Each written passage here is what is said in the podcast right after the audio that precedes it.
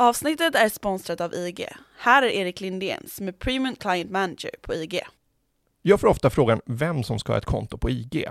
Vi erbjuder handel på över 17 000 index, aktier, råvaror, valutor, krypto och är ett jättebra komplement till de lokala nordiska aktiemäklarna. Det vi gör annorlunda är att när du handlar utomlands, till exempel amerikanska aktier, så genomför vi ingen växling när du köper eller säljer och besparar dig onödiga växlingsavgifter. Den enda gången vi växlar är den vinst eller förlust du får när du stänger affären. Varmt välkomna till IG.se, men kom ihåg att all handel med finansiella produkter innebär risk.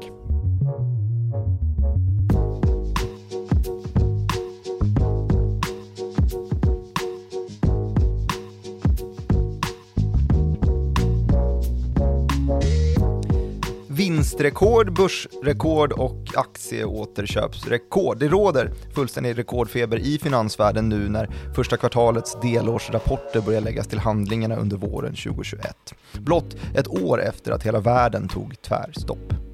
Vad var orsak eh, och vad var verkan? Var vinstchocken ett resultat av att centralbanker och politiker började vräka ut stödpengar för att rädda ekonomin? Eller hade bolagen helt sonika groomat analytiker med sådana här farhågor om att allt var på väg åt fanders? Eller var det något ännu mer komplext där någon till sist skulle få ta konsekvenserna av den här rekordjakten? Det här avsnittet av Follow the Money, som ju är en podcast om makt, storfinans och börsen av mig, programledare Martin Nilsson och utrikesredaktör Joakim Rönning, eh, tar sats mot att reda ut just det här och klara ut hur det är möjligt att ingen etablerad siare förutspått den här närmast makabra utvecklingen.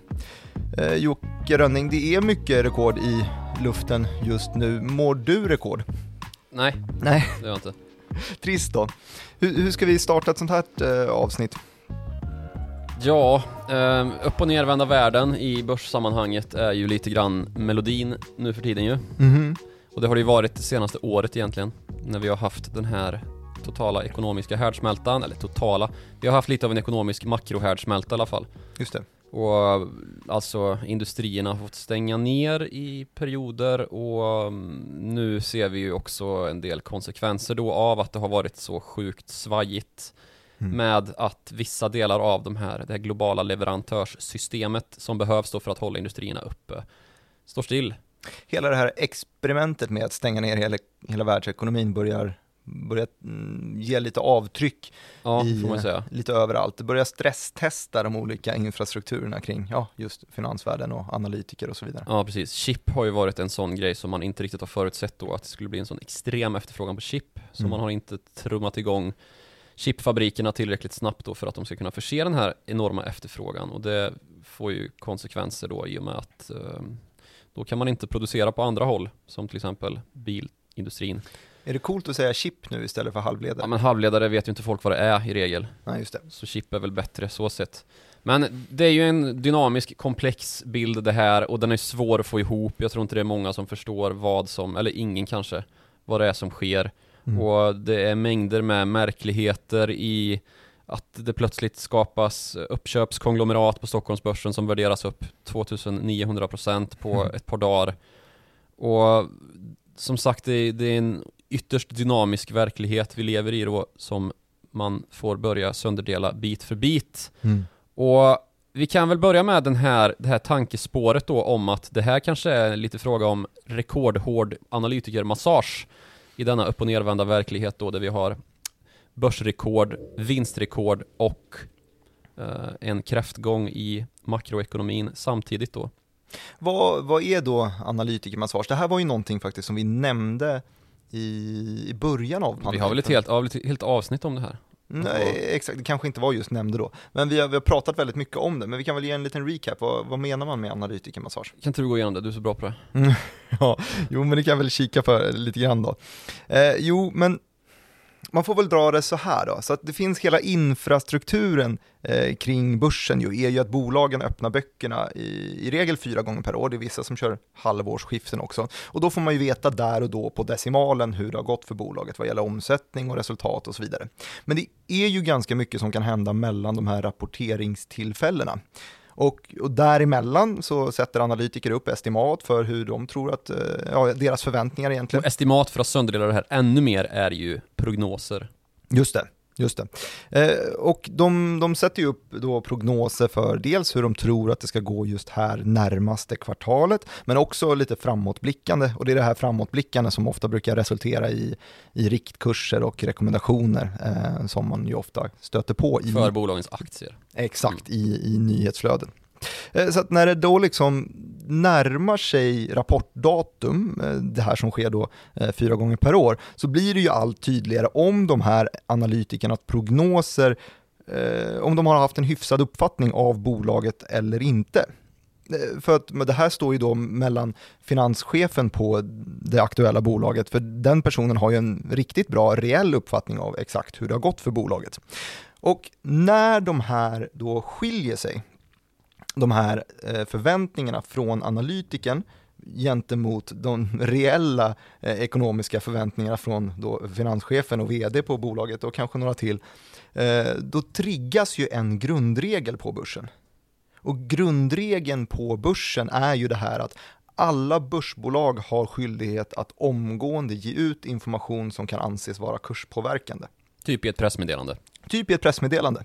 Och är det så att en, eh, en finanschef inser att oj, analytikerna börjar vara på väg åt fel håll här. Det är inte alltid väldigt bra för bolaget att behöva skicka ut ett pressmeddelande, utan det kan finnas tillfällen där, där de hellre bara Mm, försöker att grooma analytikern lite. Hinta om att hörru, du ligger lite snett här i dina förväntningar. Och det kan man göra på väldigt olika sätt. Man kan ringa upp, man kan mm, åka hem till analytikern och ge en ordentlig ryggmassage och, och viska i örat samtidigt att Usch. marginalerna ligger lite högre än vad du tror.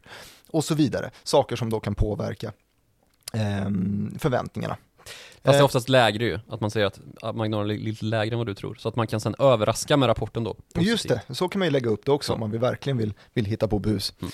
Uh, och det är väl hela den här grejen med analytikermassage. Och när vi tog upp det i senaste avsnittet då, så senaste då för något år sedan eller så, det var ju inför det här med pandemin. För då stod vi i ett läge där pandemin har tagit ett grepp om världen. Alla vet att skit är på väg att hända, men man höll på att väga på diverse guldvågar eh, hur mycket skit det, det egentligen skulle, skulle landa på finansmarknaderna.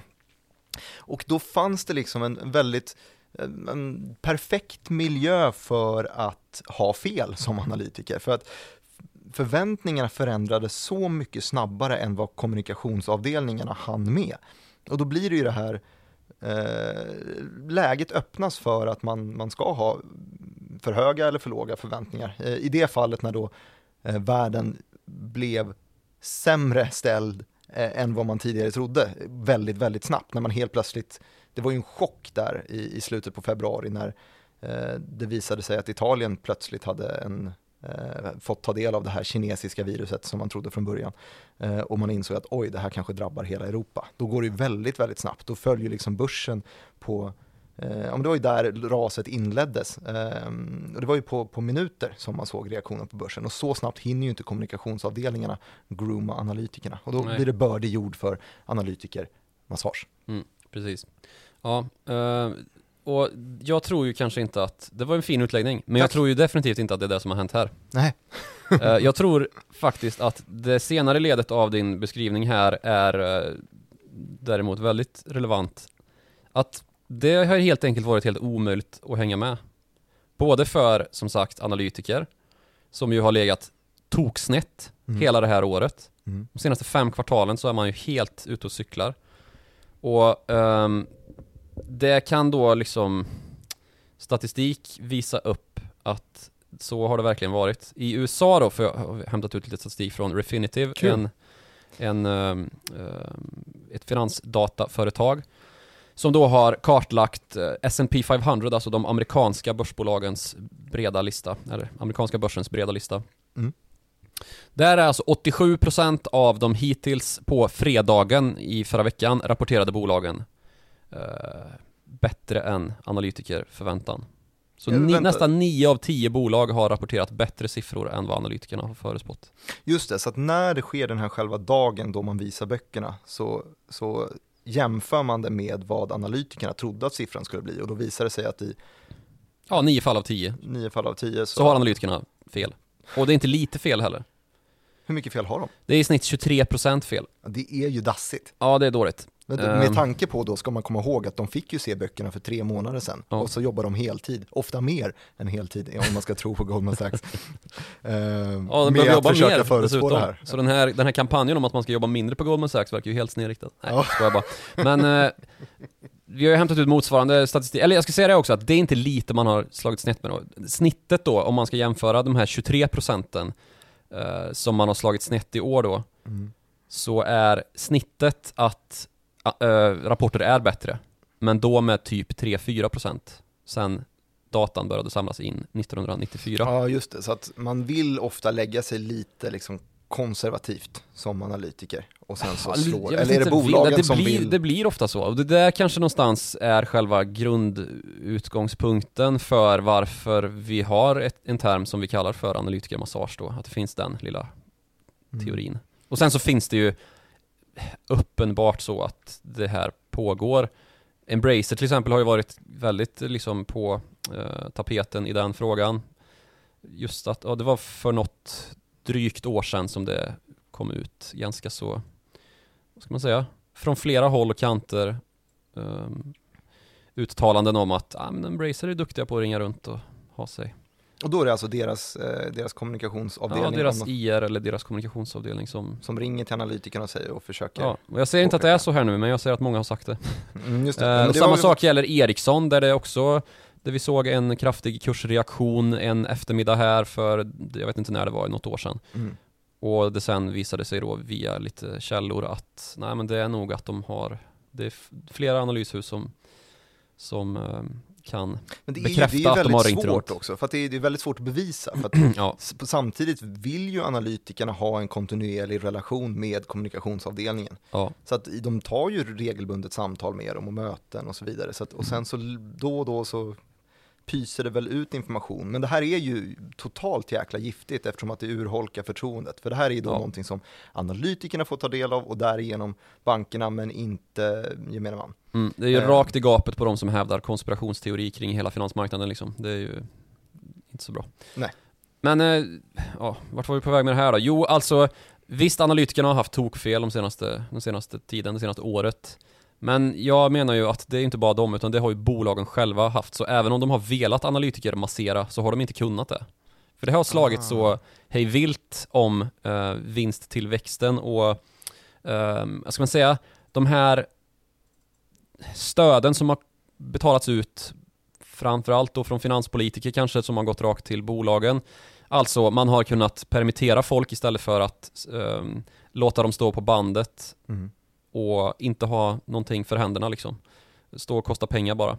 Så har man kunnat eh, låta folk gå hem och så har man kunnat eh, liksom ha sin verksamhet i fred från den typen av kostnader som blir väldigt störande då i en eh, på slutraden när ett kvartal ska summeras. Och dessutom så har man ju hållit uppe efterfrågan i ekonomin med hjälp av de här stöden, för då har ju inte folk eh, ja, men dessutom inte behövt sparkas, sägas upp. Så folk har ju haft kvar sina löner i väldigt hög utsträckning. Mm. Och den här efterfrågan som sagt har kunnat, hålla, kunnat hållas igång då.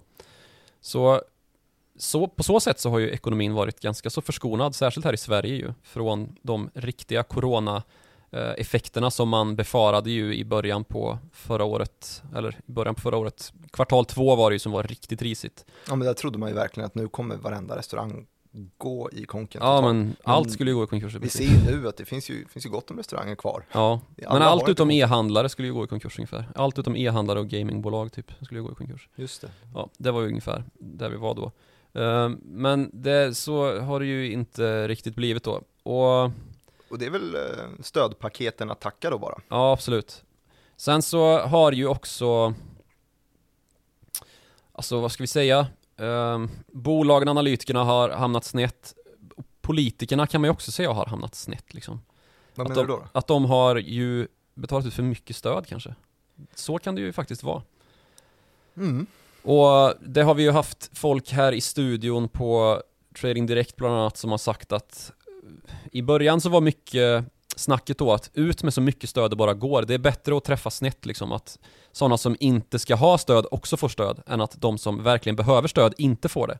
Just det, bara skjuta ut brett till varenda. Ja, Mm. och nu på senare tid så har det ju snarast handlat om då, vi ger för mycket stöd. Mm. Det är en ytterst liten del av ekonomin som faktiskt behöver stöd, alltså typ servicenäringen.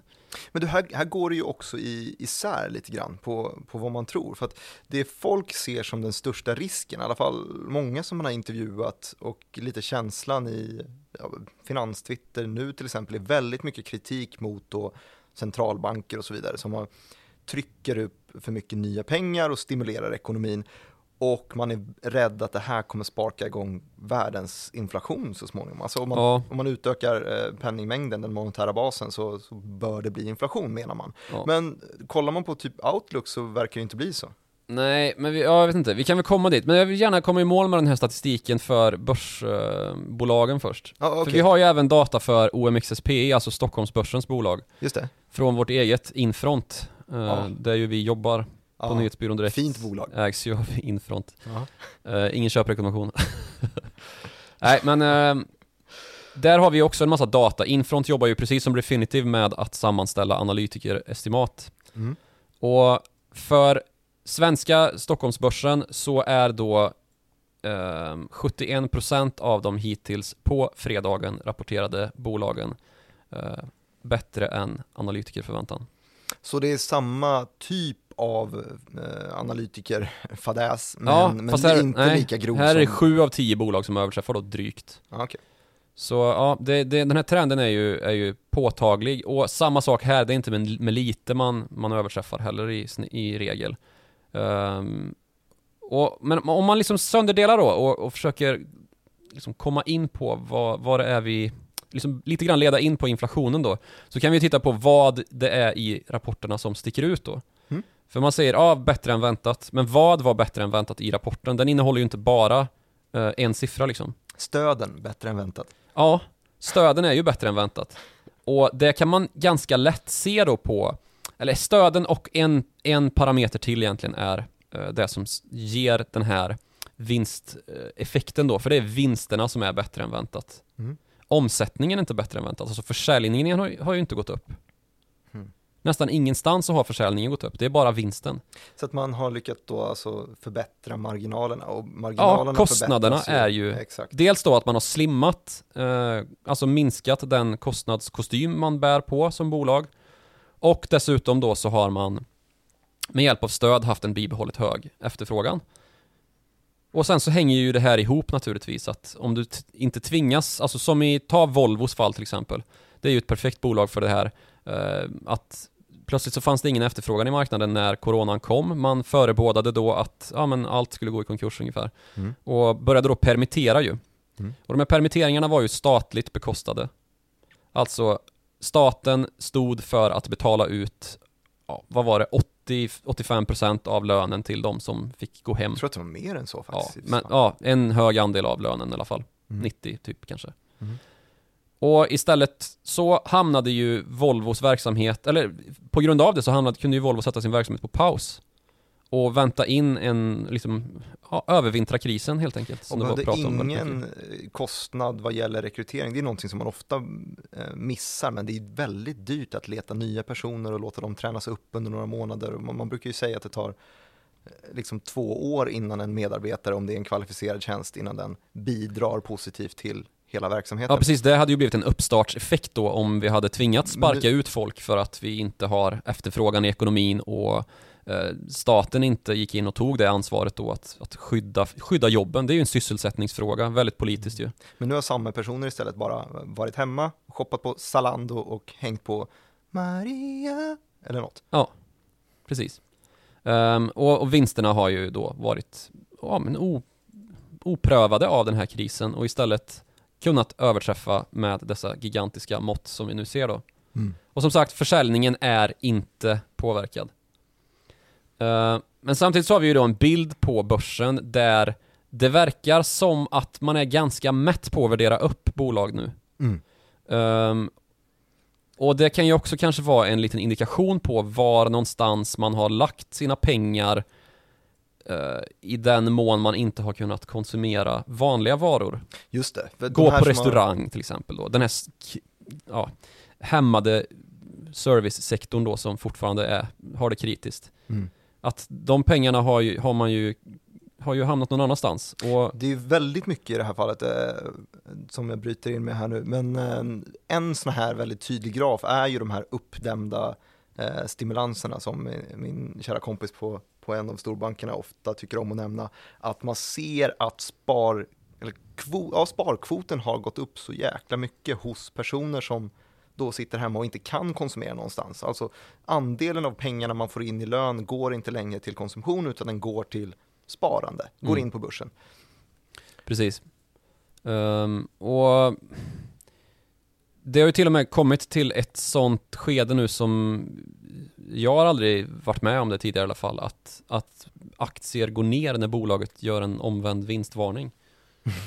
Ja, då kan vi berätta, omvänd vinstvarning är ju då det här fenomenet när bolaget inser att analytikerna, analytikerna och den reella situationen i bolaget ser för annorlunda ut så att de tvingas kommunicera det här till marknaden.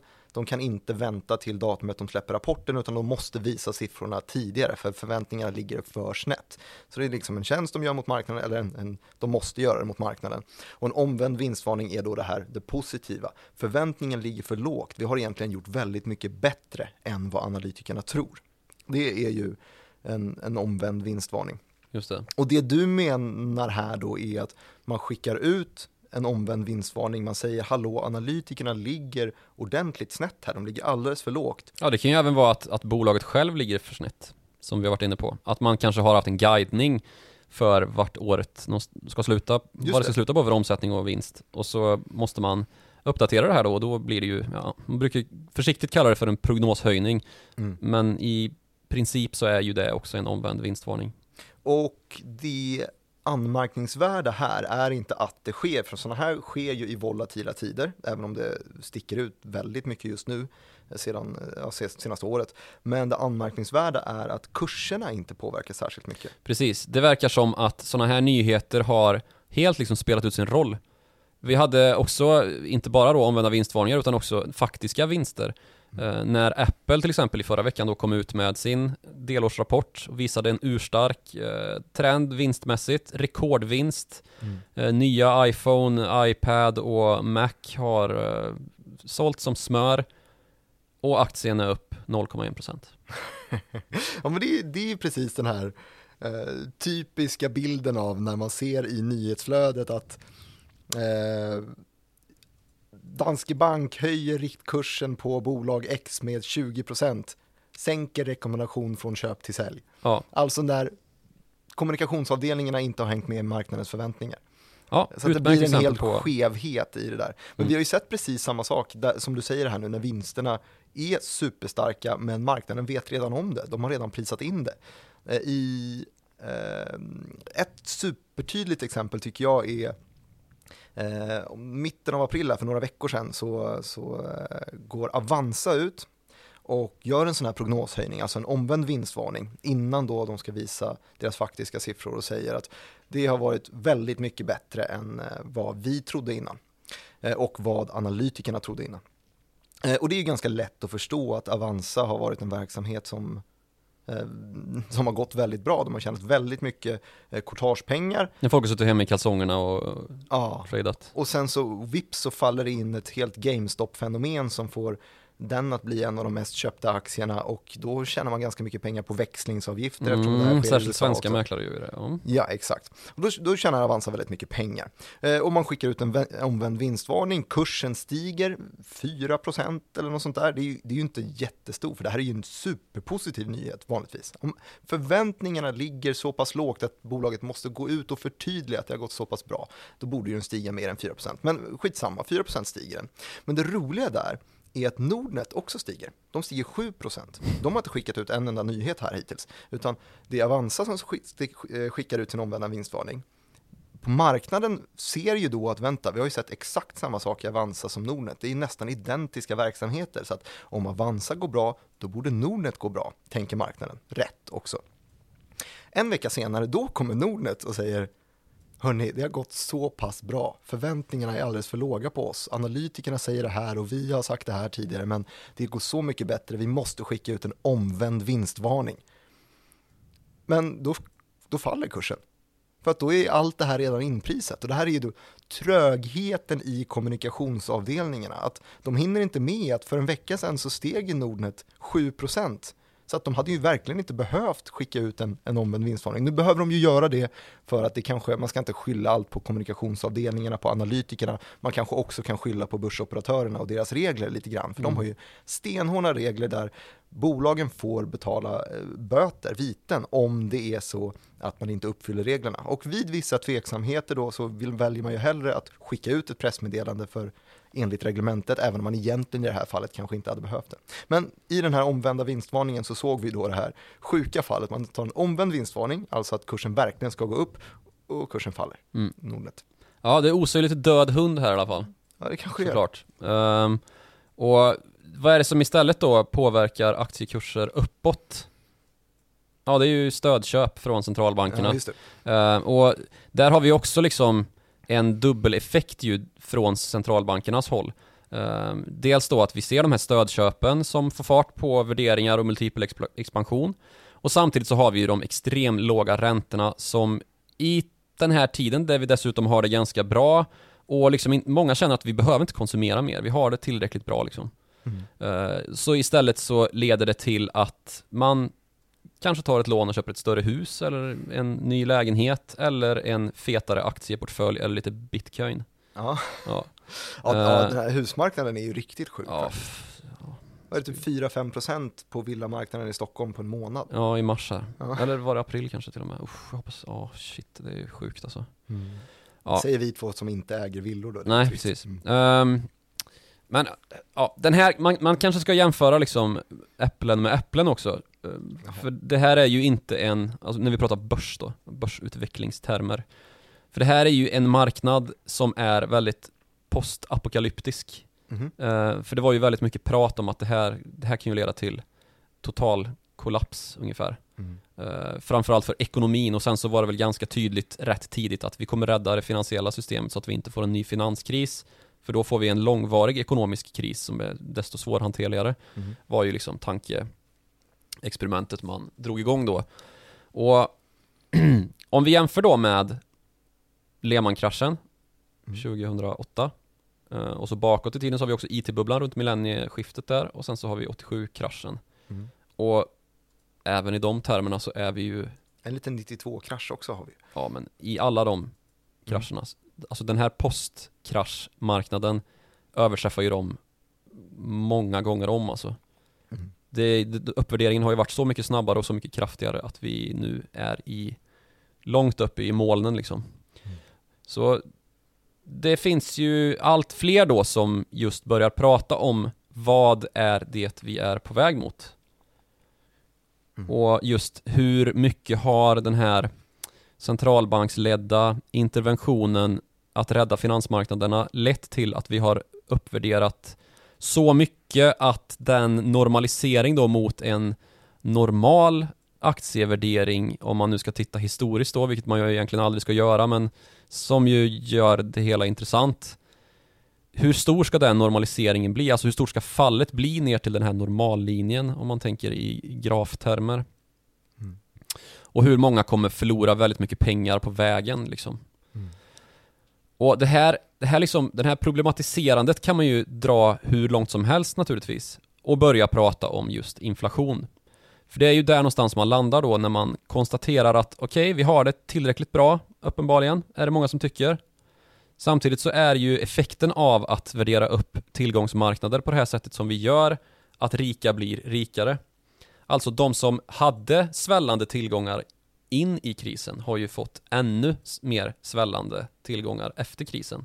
Mm. Medan de som inte hade några tillgångar, de har ju inte liksom gynnats. De har ju klarat sig, förhoppningsvis. Men det har inte märkts i liksom eh, fackens löneförhandlingar, utan Nej. där ligger fortfarande liksom Precis, det är ju just det som är... de senaste 17 månaderna eller så. Ja. Vad man nu kom fram till i de olika delarna. Precis. Um, och jag vill hävda att liksom, vi vet inte riktigt vad vi håller på med just nu. Det, det finns inget historiskt scenario där vi har eh, agerat på det här viset med penningpolitiken. Och det kanske kan, när jag satt och tänkte på det här innan vi gick in i studion här, Är det det du sitter och gör? ja, tänker ibland, Ja. Ehm, så, så kom det ett ganska, ska man säga, ett lite halvroligt uttalande från Stefan Ingves. Ah, jag såg också den. Ja. Och han säger då att eh, inflationens drivkrafter har förändrats och det innebär att vi får lära om, grunna och grubbla vidare. Och det han menar med det då, det är att Turkiet hade rätt. Förhållandet är omvänt. Ja men det han menar är Sluta tramsa nu, det här är Förlåt, viktigt förlåt. Det han menar är att stödköp Alltså att centralbanker går in och, och intervenerar i finansmarknaden genom att köpa obligationer då som vi har kallat quantitative easing eller kvantitativ lättnad eller QE eller vad man vill Mm. svänga sig med Alltså att de just går in och köper obligationer då för att ha, hålla finansmarknaden likvid och trycka ehm, pengar för att möjliggöra det här då Mm. det är liksom ett ska man säga, det är liksom ett scenario som inte fanns på kartan för 20 år sedan.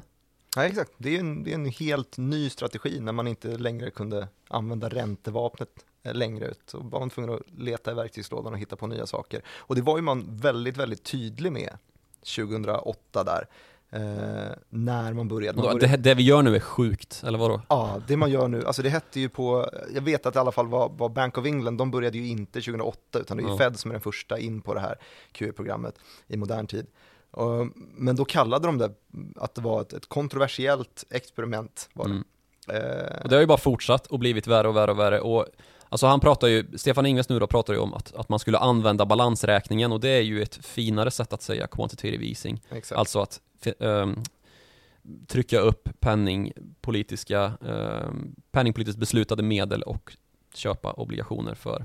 Mm. Och trycka ut eh, tillgångar då, eh, lösgöra tillgångar, eh, eller lösgöra tillgångsköp för andra kategorier av andra investerare då som inte blir lika sugna på att köpa lågriskobligationer. Ja, exakt, och de är ju, man, har, man äger ju redan för stor del av den stocken av de mest säkra obligationerna. Så nu har man ju gett sig in på bostadsmarknaden också, och, eh, bostads, bostadsobligationsmarknaden ska jag säga. Ja. Eh, och det kanske är det som ebbar ut i, i bostadspriser så småningom och tillgångspriser på de olika indexerna. Det är inte bara kanske, det är ju naturligtvis det som ebbar ut i eh, till andra tillgångspriser. Kan vi ju se nu. Och då när Stefan Ingves säger att inflationens drivkrafter har förändrats och det innebär att vi får lära om, grunna och grubbla vidare. Det jag hör då är ju Fan, vi har ingen aning om vad vi håller på med. Men nu är det där vi är och får se hur det går det här. Alltså det är ju inte jätteförtroendeingivande det uttalandet. Och i nästa andetag så säger man då, precis Köp som, Bitcoin. nej, tvärtom, det kommer ingen inflation förresten. Att det är lugnt, det är lugnt det här. Vi, det finns så mycket deflationistiska tendenser i ekonomin. Eh, de har vi gått igenom tidigare i olika former. Att det finns en globalisering, det finns jättehög skuldsättning, det finns en teknologisering och så vidare. Eh, inga löneuppgångar, det är ju det som är eh, det man ofta hänvisar Men du, till. jag känner i alla fall en viss trygghet i att han inte har varit någon kappvändare i det här. Nej, det kan man inte anklaga Han har ju maxat på med, med rekordlåga räntor redan innan vi hade en kris. Och gjort det i princip sedan ja, men, ja, men 2008. Eller ja, man sänkte väl ner det, vad var det, 2012 också var var framförallt man, man nådde ner i de här minusräntorna va? Eller tänker jag fel? 15 kanske. Skitsamma. Man har legat på väldigt, väldigt låga räntor under väldigt, väldigt lång tid. Eh, Just för att man har kikat på samma indikatorer hela tiden. Man har kollat på KPI eh, och kikat på, finns det någon inflation? Svaret är nej, då är det bäst att vi ligger kvar här. Och det är ju precis samma sätt man kikar på nu. Finns det någon inflation? Svaret är nej, vi ligger kvar här. Så det kanske är så att man behöver kika någon annanstans. Ja. Men, eh, men han håller i alla fall fast vid sin teori. Ja, det gör han. Men det, det pratas ju mycket om det här deflationistiska scenariot i alla fall och det gjorde bland annat SEB idag som hade prognosdragning. Mhm. Och det är ju samma där att man, man eh, Alltså man flörtar lite med idén och, och kallar det för att liksom Fed håller på och experimenterar lite med inflationen eh, och att vi kanske är eller att i alla fall man kan konstatera att vi är närmare ett slut på lång in, äh, låginflationseran som ju då har varit äh, gällande sedan ja, väldigt länge då när vi har haft nollräntor och ja, egentligen finanskrisen. Ja, men vi har haft det tio år, absolut.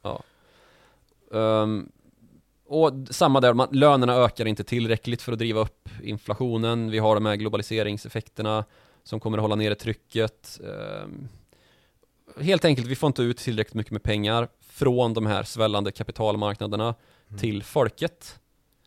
För det är ju folket som ska skapa den här, ska man säga, sunda inflations, det här sunda inflationstrycket. Alltså att man har mer pengar i fickan att röra sig med, eh, konsumerar mer och därmed skapar en efterfrågan i ekonomin som trycker upp priser. Mm. Alltså mer pengar ska ehm, konsumera, eller ska man säga, konkurrera om att köpa samma varor. Då går ju priset upp. Just det. Enkel utbud I en maklig takt, gärna 2% per år. Men nu är det ju inte så. Vi får ju inte den här eh, lönemässiga effekten uppåt, det här trycket i lönerna som gör att det blir ett pristryck.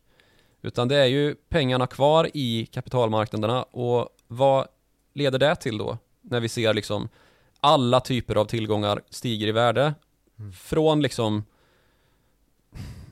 obligationer till fastigheter till aktiemarknad, till bitcoin, till råvarumarknader där vi har sinnessjuka uppgångar i timmerpriser till exempel. Mm.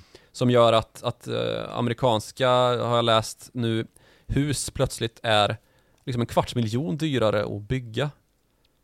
För timmerpriserna. Ja, och vi har de här problemen med just eh, chip eller halvledarindustrin där man inte kan i slutledet tillverka fler bilar liksom. Det står still i bilfabrikerna. Eh, Infineon, ett chipbolag, har nu varit ute och kalkylerat att 2,5 miljon bilar kommer inte byggas i första, kvartal, äh, första halvåret av 2021 på grund av chipbrist. Inflation i bilpriser. Det blir ju det. Då går ju pri- bilpriserna upp då på de bilar som är färdigbyggda.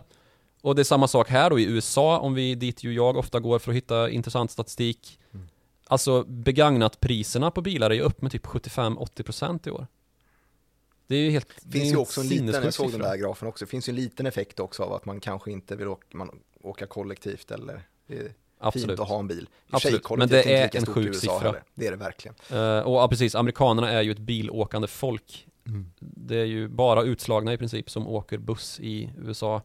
Ehm, ja, i alla fall i mindre städer. Men det finns en jäkla massa sådana grafer i alla fall som, eh, Ja. som tyder på att Om man vill hitta sin inflation så är det lätt att göra det.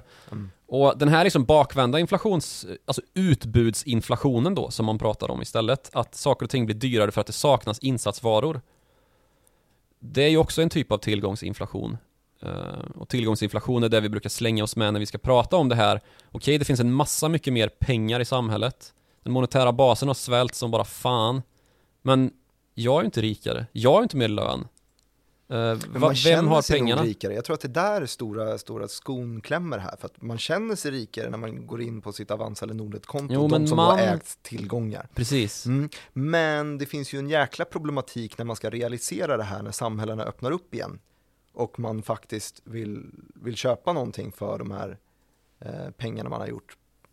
Och man inser att jag konkurrerar med väldigt många andra som har blivit precis lika rika Ja. i, på tillgångssidan. Och det är där vi i så fall kommer se, det är där man kommer se de här uppdämda stimulanserna då i effekt.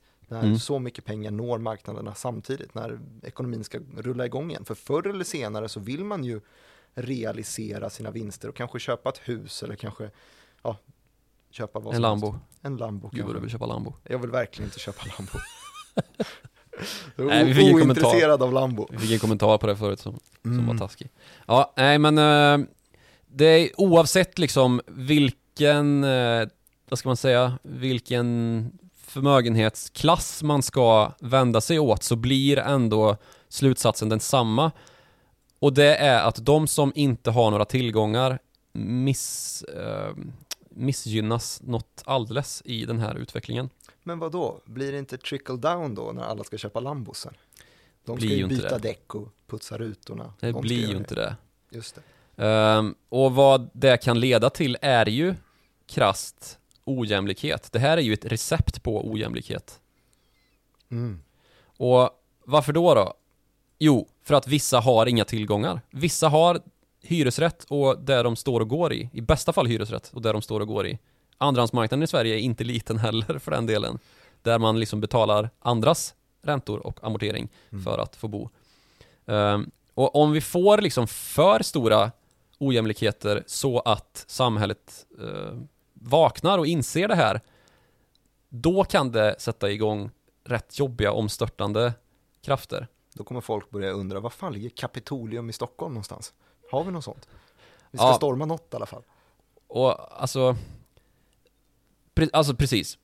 Vad då? Liksom har, har stater världen över de senaste 12-13 åren ägnat sig åt att rädda de redan välbeställda och gjort dem ännu rikare samtidigt som we the people tvingats ännu längre ner på knä.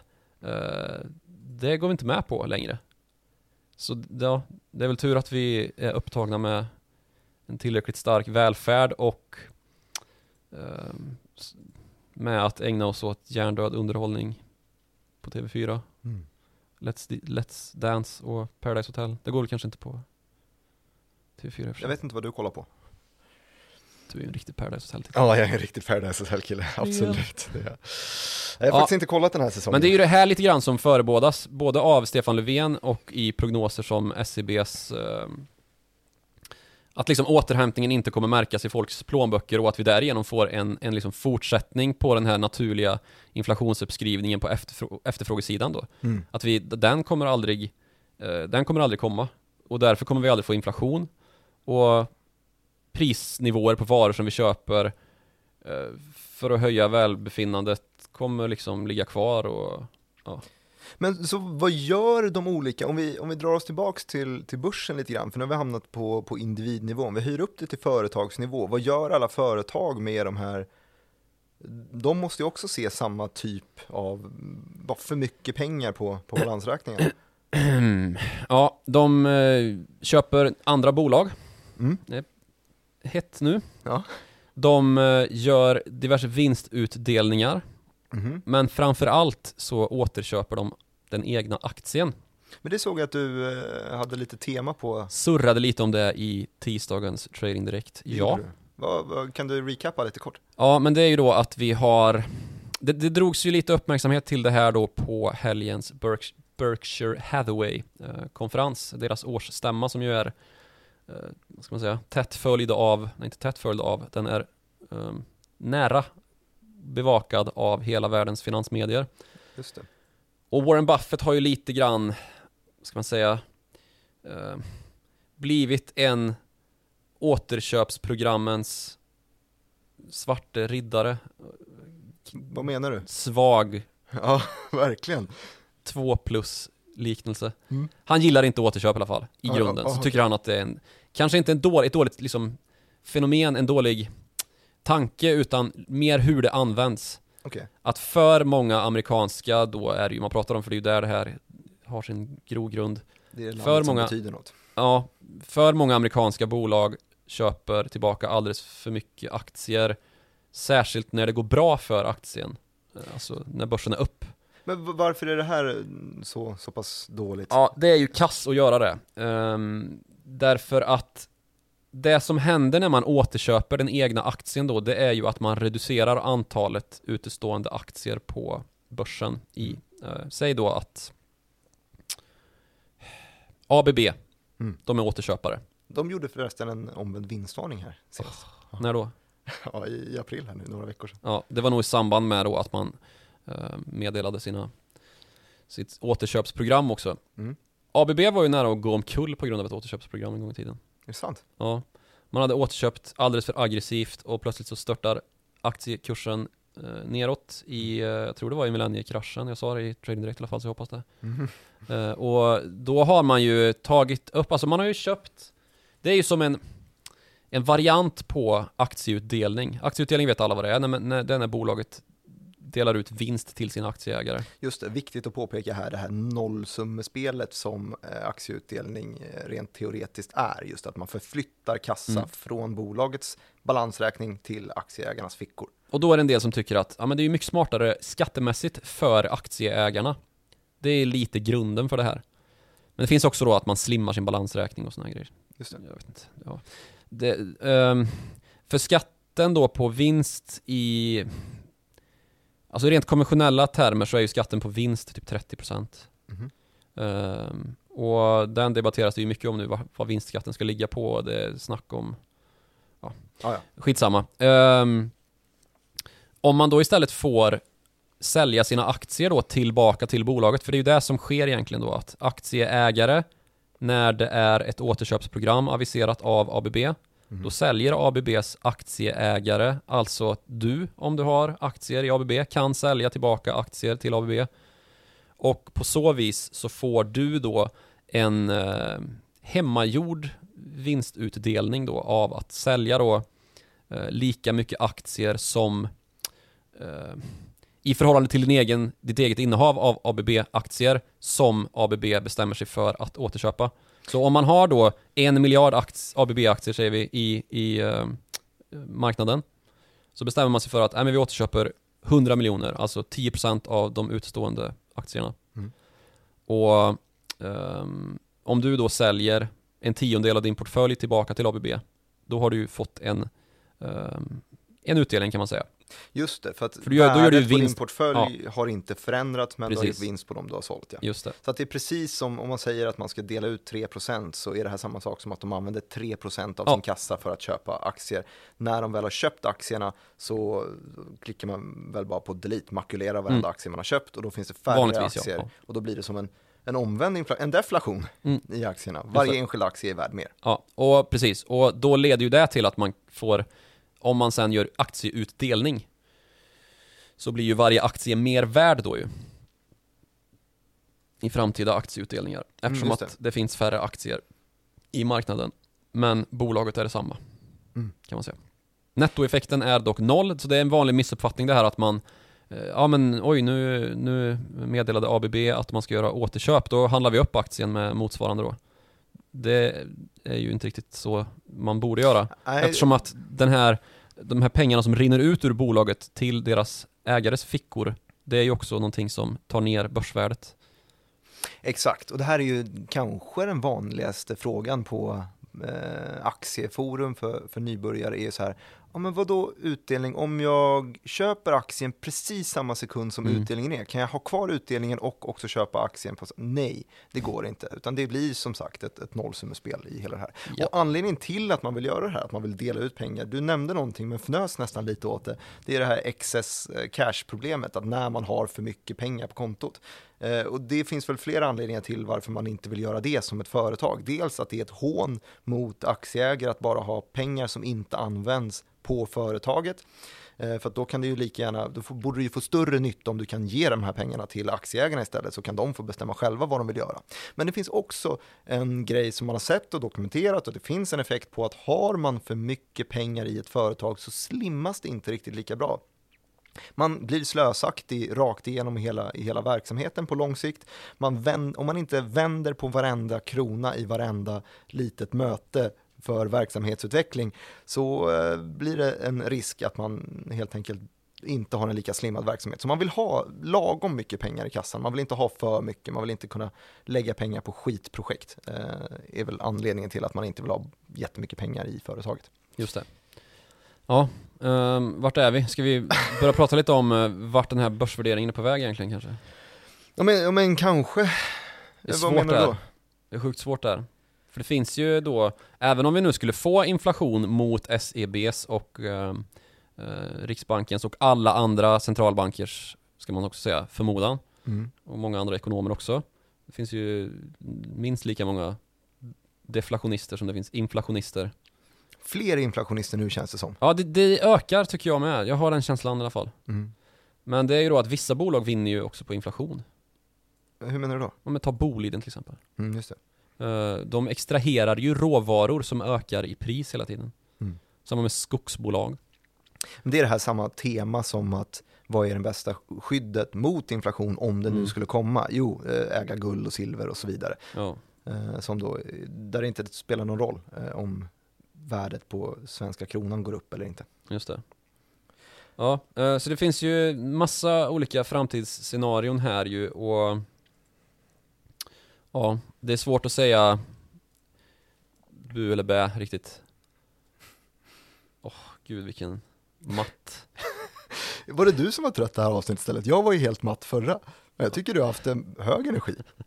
Ja, ehm, Jag kom på en sak eh, som vi inte har nämnt men som jag tänkte när vi snackade inför det här avsnittet. Och det är det här på temat vad, vad gör bolagen när de får för mycket pengar? Och du nämnde ju förvärv och du nämnde återköp och utdelningar som då har triggats av den här dopingen av QE. Och det, det, det är ju fakta att vi har sett rekordmycket återköp, rekordmycket utdelningar vet jag inte däremot, men rekordmycket förvärv, absolut. Vi ser världens aktivitet på marknaden. Men vi har också sett att när, när liksom kostnaden för pengar förändras så här pass drastiskt, när det liksom är väldigt lätt att få pengar och man har för mycket pengar, så förändras bolagens möjlighet att tjäna pengar också. Alltså hela kalkylen som företagsmodellen är uppbyggd på har ju vänts upp och ner ofta. Eh, om pengarna plötsligt är, gratis så kan man ju mm, köpa vad som helst till exempel, även om det inte är riktigt lönsamt just nu. Man kanske det jag tänkte på är att man kanske är ett klädbolag som plötsligt inser att byggbranschen är lite soft och, ja, och bryt, byter riktning där. Det är det som hände med, med WeSC lite grann. Eh, Mm. de, de uppvärderades ju ordentligt först om det var när de skulle plötsligt bli ett fastighetsbolag eftersom att Ilja Bataljan, SBBs eh, vd, eh, hade köpt in sig. Jag kan inte den här historien helt, men det jag kommer ihåg i alla fall är ju det här citatet att eh, om det är ordföranden för WeSC, eh, Conny Ryk, får frågan eh, hur kommer det sig att WeSC är en, en bra plattform för att bli en eh, Eh, konsult inom bygg och anläggningsbranschen? Och han svarar Ja, WeSC har en, en nuvarande aktieägare med stort engagemang som eh, ser den här möjligheten med att ha en snabb tillgång till kapitalmarknaden. Och dessutom så har jag stor erfarenhet från den här byggbranschen. Så man liksom, man utnyttjar WeSC som, en, som ett SPAC-bolag ungefär. Ja, man det bara förändrar det helt, men det är ett bolag som har ett fint namn som Ja. de förvisso ska byta, den ska heta Vestum istället ju. ja, Eh, Det var ju konstigt, för det, Det känns är som ju- att det enda värdet i bolaget är ju att det är ett, det är ett känt kläd, klädmärke liksom. WeSC som det ju heter, We Are The Superlative Conspiracy står det för Det är ju Greger Hagelin och Ingmar Backman och gamla skatergänget som drog igång Ja. En kickflip så hamnar man Vestum i byggbranschen istället. Ja, sorgligt Ja, ja, men det, det är också en sån här effekt av att, vad fan, pengar är gratis, vi, vi testar det här istället. Ja, verkligen. Och ja, som sagt, vi har ju haft SPAC-håsen på eh, amerikansk front och den har ju definitivt avtagit alltså. Har ni det? Ja, något så in i... Vadå, det är, nu är det för många SPAC-bolag där Ja, ute som nu vill... är det överutbud på SPAC-bolag och det finns inte tillräckligt många som vill komma till börsen den vägen för att man sett då att det är inte liksom tillräckligt safe och um, håsen är över liksom. Det, Så vad kommer hända? Man, de här har ju ofta en, en tidsfrist, att de har mm. två år på sig att hitta ett bolag som de ska då dra till börsen. Betyder det här då att det är ganska många SPAC-bolag som kommer bara förfalla? Ja, det betyder att väldigt många SPAC-bolag kommer få återgälda alla sina investerare och det kommer ju bli kul att se Det, för du, oss utomstående, inte för de som har investerat i de här SPAC-bolagen. du tänker då att de, de kanske inte har alla pengar kvar när... Det är risken och alltså det här är ju då bolag som kommer till börsen som helt, ja, blank check company kallas det ju för i USA också. Alltså bolag som inte har någon verksamhet utan bara är ett skal som då ska fyllas med ett annat bolag genom ett omvänt förvärv. Mm. Och för att få notera ett sånt här bolag så skriver du på om en, en i en klausul då att om inte bolaget har hittat ett förvärvsobjekt inom vanligtvis 24 månader, alltså två år, så ehm, måste de initiala investerarna återgäldas. Mm. Så det kan nog bli en lite lustig industri att göra, ska man säga, antinoteringar av SPAC-bolag här framöver 2023 eller vad det blir. Det var ju 2020 och 20, början på 2021 som var den riktiga hypen. Då är det alla de här små, eh, små mäklarna som, som hanterar när pengar ska, ska delas tillbaka till aktieägare. Det är de som kommer... Jag funderar på att starta antimäklare ja. Det tror jag kan vara en bra det är grej. väl det vi gör med den här podden, eller? Ja, ja ehm, men ja, inflationsstoryn har i alla fall fått vingar och det är ju kul, pikt. Det ja, var ju absolut. länge sedan man pratade inflation innan, innan liksom vi var, började vara på väg ut ur den här krisen. Ehm, men det är ju jävligt, det, det är ju kul på ett sätt men det är ju jävligt farligt också. Mm. Inflation är ju, Ja. Förrädiskt. det är ju rent av ett liksom, recept på omstörtning. Och den här, alltså man kan ju klä det i termer av, eh, och, och grafer liksom, och prata om det på ett diffust och just verklighetsfrånvarande sätt som 99% av mänskligheten inte överhuvudtaget är intresserad av att förstå. Mm. För att man har fullt upp med Paradise Hotel och Let's Dance Amen. Och Instagram och TikTok. Det också. Men man kan också liksom se på det som att ojämlikhet aldrig har varit ett recept på framgång liksom. Så det har, det har gällt för alla typer av eh, revolutioner och eh, ja, men om samhällsomstörtningar. Men- Såväl ryska som franska som kinesiska liksom, så har det handlat om ojämlikheter och Men vet du, inflation är väl i så fall någonting som skulle kunna vända vågen åt andra hållet. För att inflation påverkar ju de som då redan äger tillgångar. Ja, Framförallt de precis. som redan har pengar.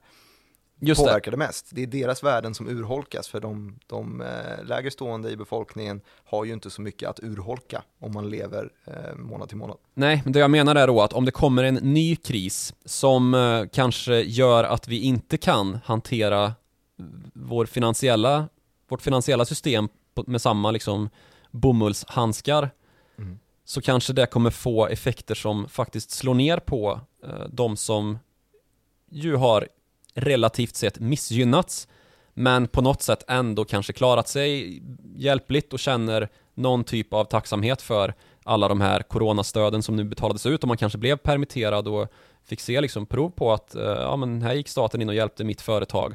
Just det. Om det går, inte går att göra det nästa gång det smäller till med en kris, svart svan som man brukar kalla det, Just det. vad händer då? Ehm, om de rikligt förmögna tappar en del av sitt kapitalvärde, ja det gör väl inte så mycket kanske. Men om de som inte har det här, den här kapitalförmögenheten missgynnas i motsvarande grad så kanske det leder till eh, ja, djup depression och misär. Och då får vi ju den här samhällsomstörtande risken då. Och jag säger ju definitivt inte att det kommer bli så, men det är ju en naggande tanke att filosofera över då. Och sen så kanske man är liksom smart att inte gå hela vägen till att det kommer bli total samhällskollaps.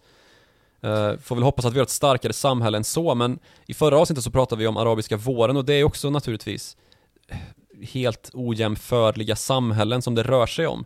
Men där såg vi liksom hur en politisk rörelse kan få en enorm eh, sprängkraft och sprida sig över länder. Så en rörelse som startar i ett land får gärna grannländer att agera. Alltså vi såg det här i Frankrike när vi hade gula västar som spred sig hela vägen upp till hela övriga Europa utom Sverige eftersom att vi ja, Stefan Löfven eh, kallade, in, kallade till sig gula västarna och sa ah, vi löser det här och så gjorde man det. Men eh, samma sak i USA, vi hade den här Qanon-sekten som spred, eh, spred död och eh, elände på Kapitolium. Och som sagt, det kan gå väldigt fort när sådana här folkrörelser reser sig. Och om man ska skylla det på inflation eller inte är väl en smaksak nästan. Men det går att förklara med inflationstermer eller pristermer att ojämlikheten väldigt ofta får en eller annan eh, att det går alltid att klä i en inflationsskrud på något vis. Mm. Att folk inte har råd eller att folk känner sig missgynnade. Eh, alltså har råd med den välfärd man känner att man förtjänar. Eller att man anser att avståndet upp till de eh, bättre bemedlade är alldeles för stort för att vara liksom en del av den verklighet man vill eh, tillerkänna verklighet helt enkelt. Mm.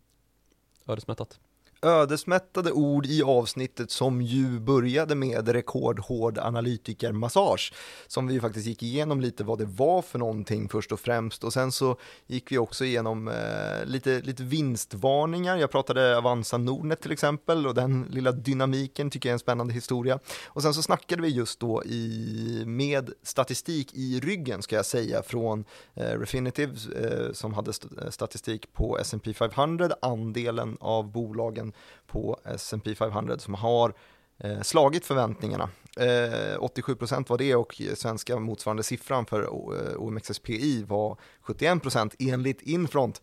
Och vad i rapporterna var det var då som sticker ut? Jo, men det var vinsterna. Eh, och du pratade till exempel om eh, Apple och Microsoft som verkligen har slagit till och, och sålt hur bra som helst. Men... Jag kanske inte nämnde Microsoft.